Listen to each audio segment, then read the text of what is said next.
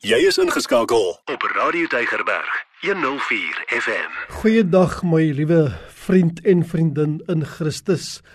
Uh pastoor Adri Tronne so en dit is vir my baie lekker om vandag met jou te praat. Jy weet ons as mense, ons gaan maar deur baie dinge in die lewe en dit is nie asof die lewe nou makliker raak nie. Die lewe raak al hoe meer vol uitdagings. Maak nie saak wat dit is nie of dit nou gesondheid is, finansies, verhoudings. Ons sukkel maar altyd met 'n klomp dinge. En tog is dit so dat die woord van die Here is eintlik maar die plek leer ek elke dag waarheen ek en jy kan gaan na die woord van die Here toe en natuurlik na die Here self toe wat die outeur is van sy woord om oplossings te kry. En ek wil juis vandag met jou 'n gedeelte deel wat ek sommer die titel wil gee beproewing lei tot geloofsvolwassenheid.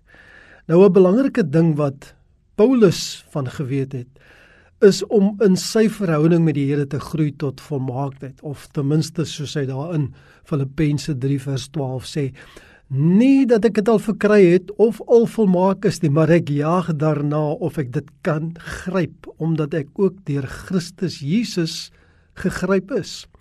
So ek wil vandag met jou lees uit Hebreërs hoofstuk 5 en ons gaan eers net een vers lees dit is vers 11 Maar voor ons dit lees, kom ons bid net saam. Hemelse Vader, vandag wil ons net vra dat as ons voor U troon sit en U woord lees, dat U dit in ons gaan seën in ons liggaam, Here in ons verstand, in ons gees, in ons hart, dat U U woord sal seën en dat U geseën sal word deur ons lof, ons aanbidding, deur ons verstaan van U woord. Ons bid dit in Jesus wonderlike naam. Amen. Nou kom ons lees Hebreërs 5 vers 11.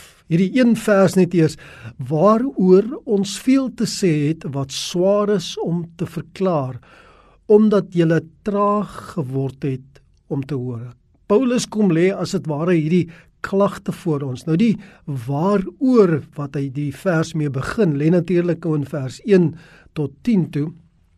Maar voor dit gaan ons eers terug 'n bietjie verder as eintlik hierdie verse en dit is nou hoofstuk 4 toe en ons gaan lees vers 14 tot 16.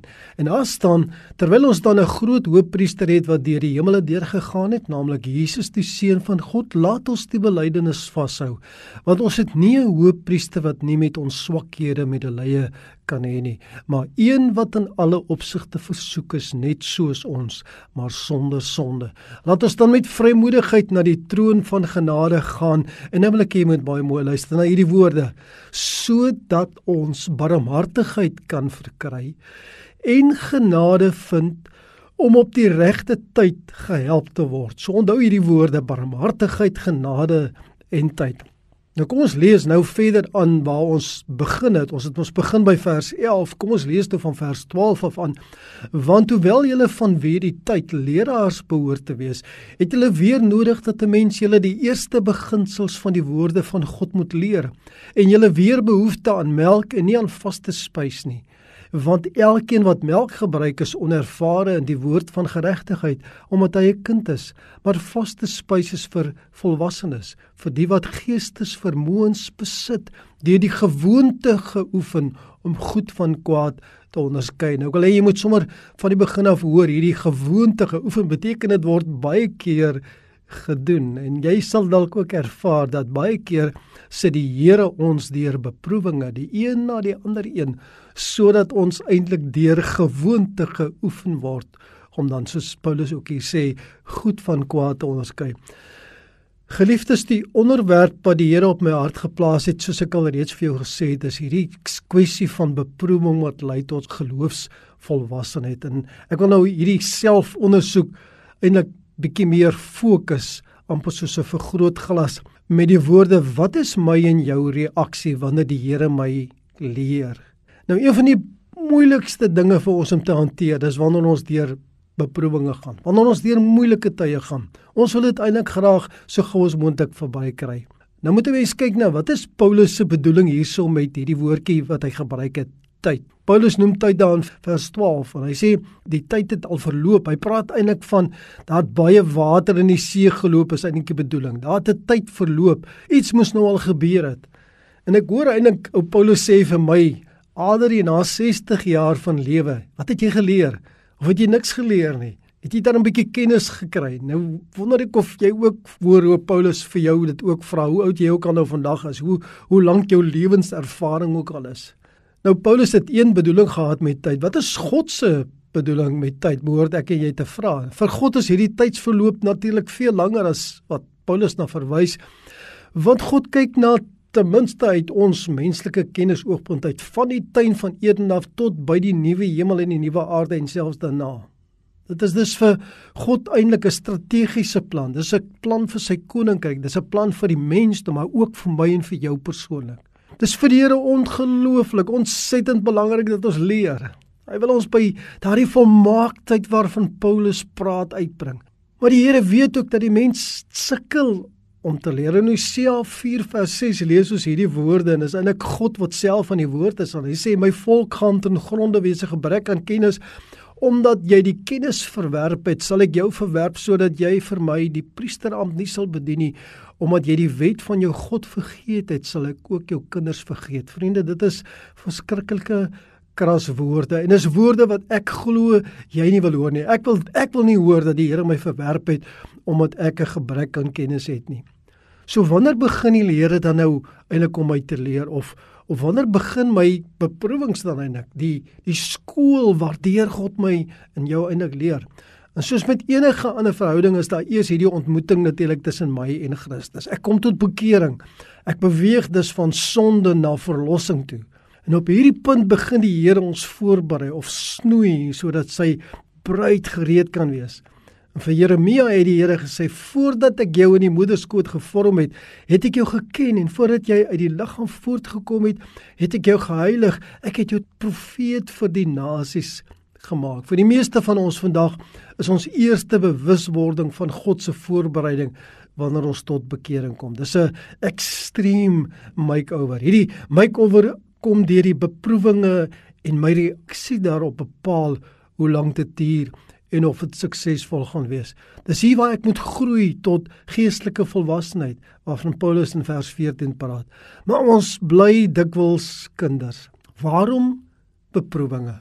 Jesus weet presies waarheen hierdie verhouding moet gaan en hoe ons daarby gaan uitkom. In Matteus 5:48 sê Jesus: "Wees julle dan volmaak soos julle Vader in die hemele volmaak is."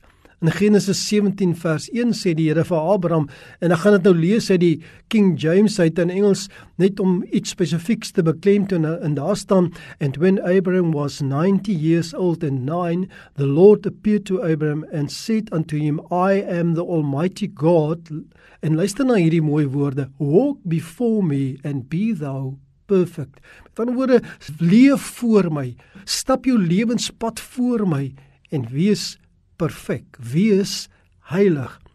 Ons het van 'n toestand van sonde af beweeg na verlossing in Jesus Christus. Nou wil die Here ons heilig. Ons moet van sonde na verlossing, na heiligheid beweeg.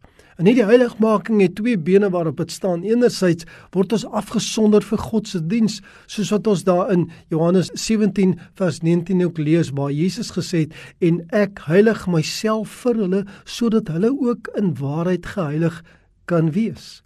Andersins word ons geheilig van die bose soos wat in die tempel geheilig is in 2 Kronieke 29 vers 5 waar daar staan en vir hulle gesê luister na my leviete heilig julle nou en heilig die huis van die Here die God van julle vaders en bring die onreinheid uit die heiligdom uit. En ek en jy weet maar ons is vandag die tempel van God. Daarom is ons nie afgesonder net vir die Here nie maar ons moet ook die onheiligheid die sonde uit ons uithaal uit hierdie hierdie tempel wat ons is vir die Here. En uit hierdie twee verse moet ons van twee sake kennis neem. Eerstens dat die Here wil hê dat ons moet heilig wees en tweedens dat God die almagtige en die naam van God wat hier gebruik word is die die all sufficient God, die algenoegsame Here of al sy daai dat hy by ons is. Ons staan nie in hierdie heiligmaking, hierdie beproewingspad alleen nie.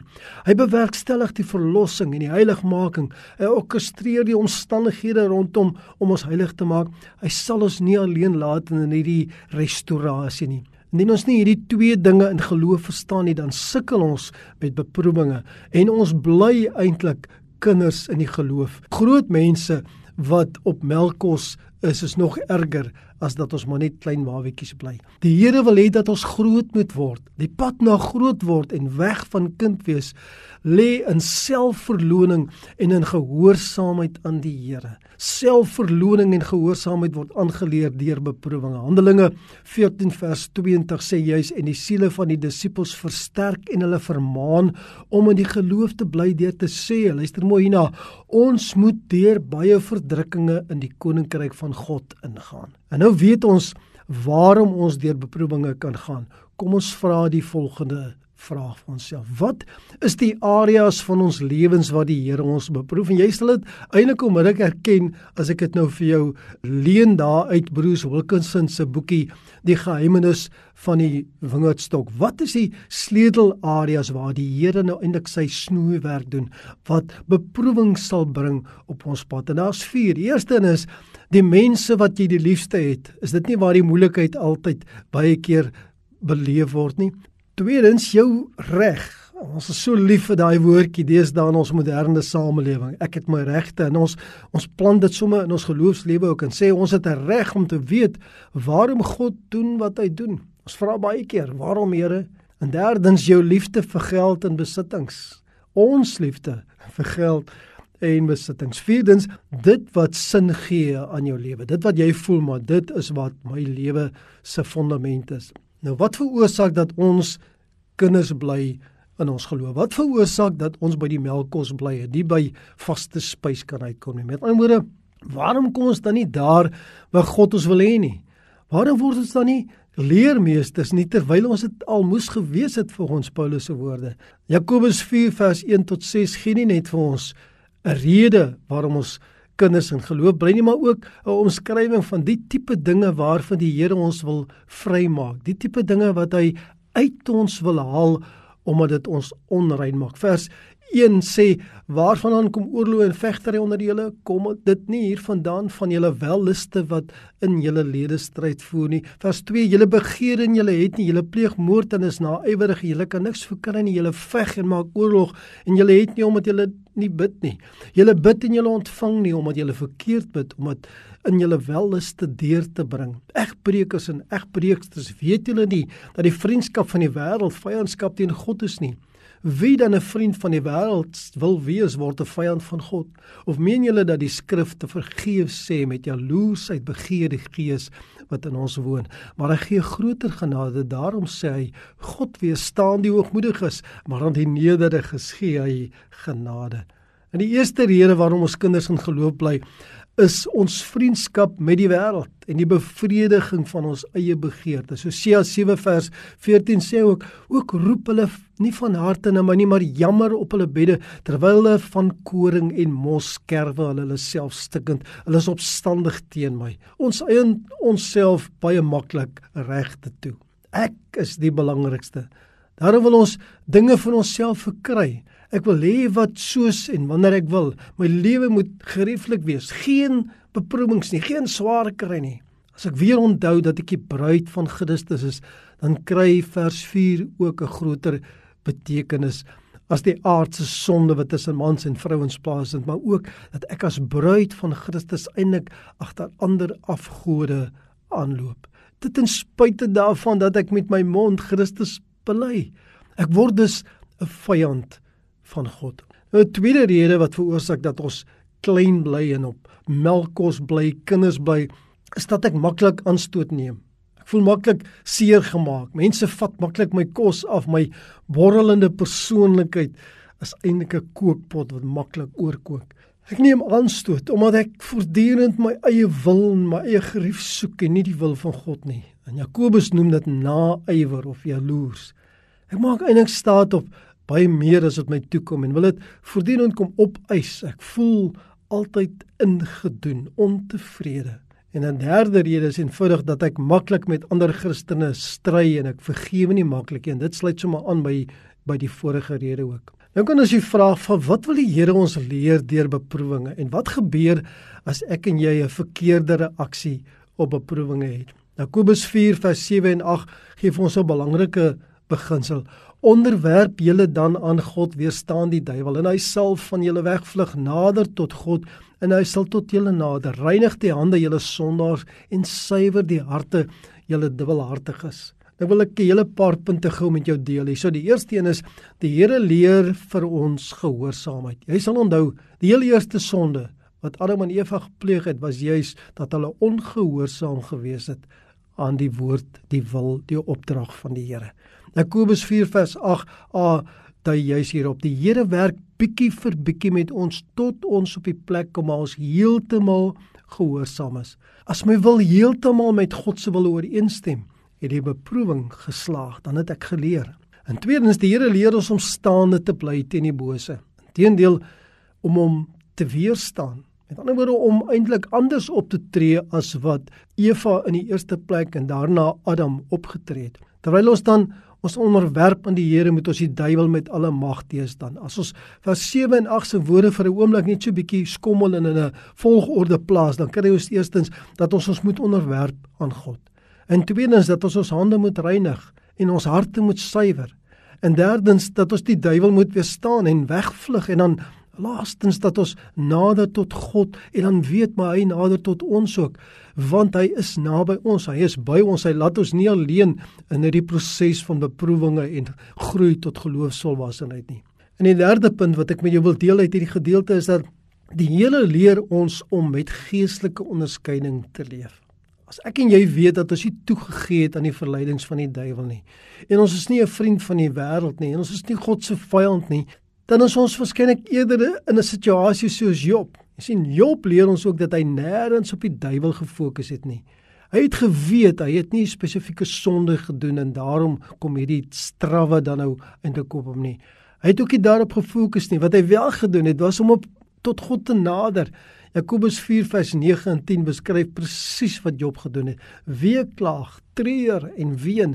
Laat julle gelag en treurigheid verander word en julle blydskap en bedruktheid verneder julle voor die Here en hy sal julle verhoog. Maar hoe moeilik is dit vir ons baie keer om daar by te kom? Nee, ons raak eerder teleurgesteld en depressief en eintlik selfs kwaad vir die Here dat hy toelaat dat hierdie tipe dinge met ons gebeur. En die vierde punt is wat ek wil deel met jou is wat met onderskeiding verband hou is dat die Here ons leer om reg te bid.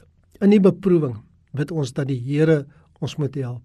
Ons bid dikwels asof dit wat ons beleef van die duiwel is, maar eintlik is dit die Here wat besig is met sy snoeiwerk. En dan bid ons verkeerd. Nou sê Jakobus 4 vers 3, juis vir ons, julle bid en julle ontvang nie omdat julle verkeerd bid om dit in julle welliste deur te bring. Jy sien as ons maar net dit nie raak sien en beleef dat God besig is om te snoei en ons maak staat op ons eie regte, dan onderwerp ons ons nie eintlik aan die Here nie. Ons bid dat die Here die beproewing moet wegneem en klaarmaak daarmee terwyl ons eintlik veronderstel is om geduldig te leer wat God ons wil leer. En dan in die vyfde plek, die Here oefen of hy leer ons om geduldig te wees. Ons gebruik dikwels die spreekwoord Hy het Job se geduld. Nou het Jakobus vir ons 'n woord daaroor nogal in Jakobus 5 vers 7 tot 11 en ek gaan nie elke een woord vir woord lees nie. Jy kan gerus self gaan lees maar in vers 7 wees dan geduldig broeders. Vers 8 julle moet ook geduldig wees versterk julle harte.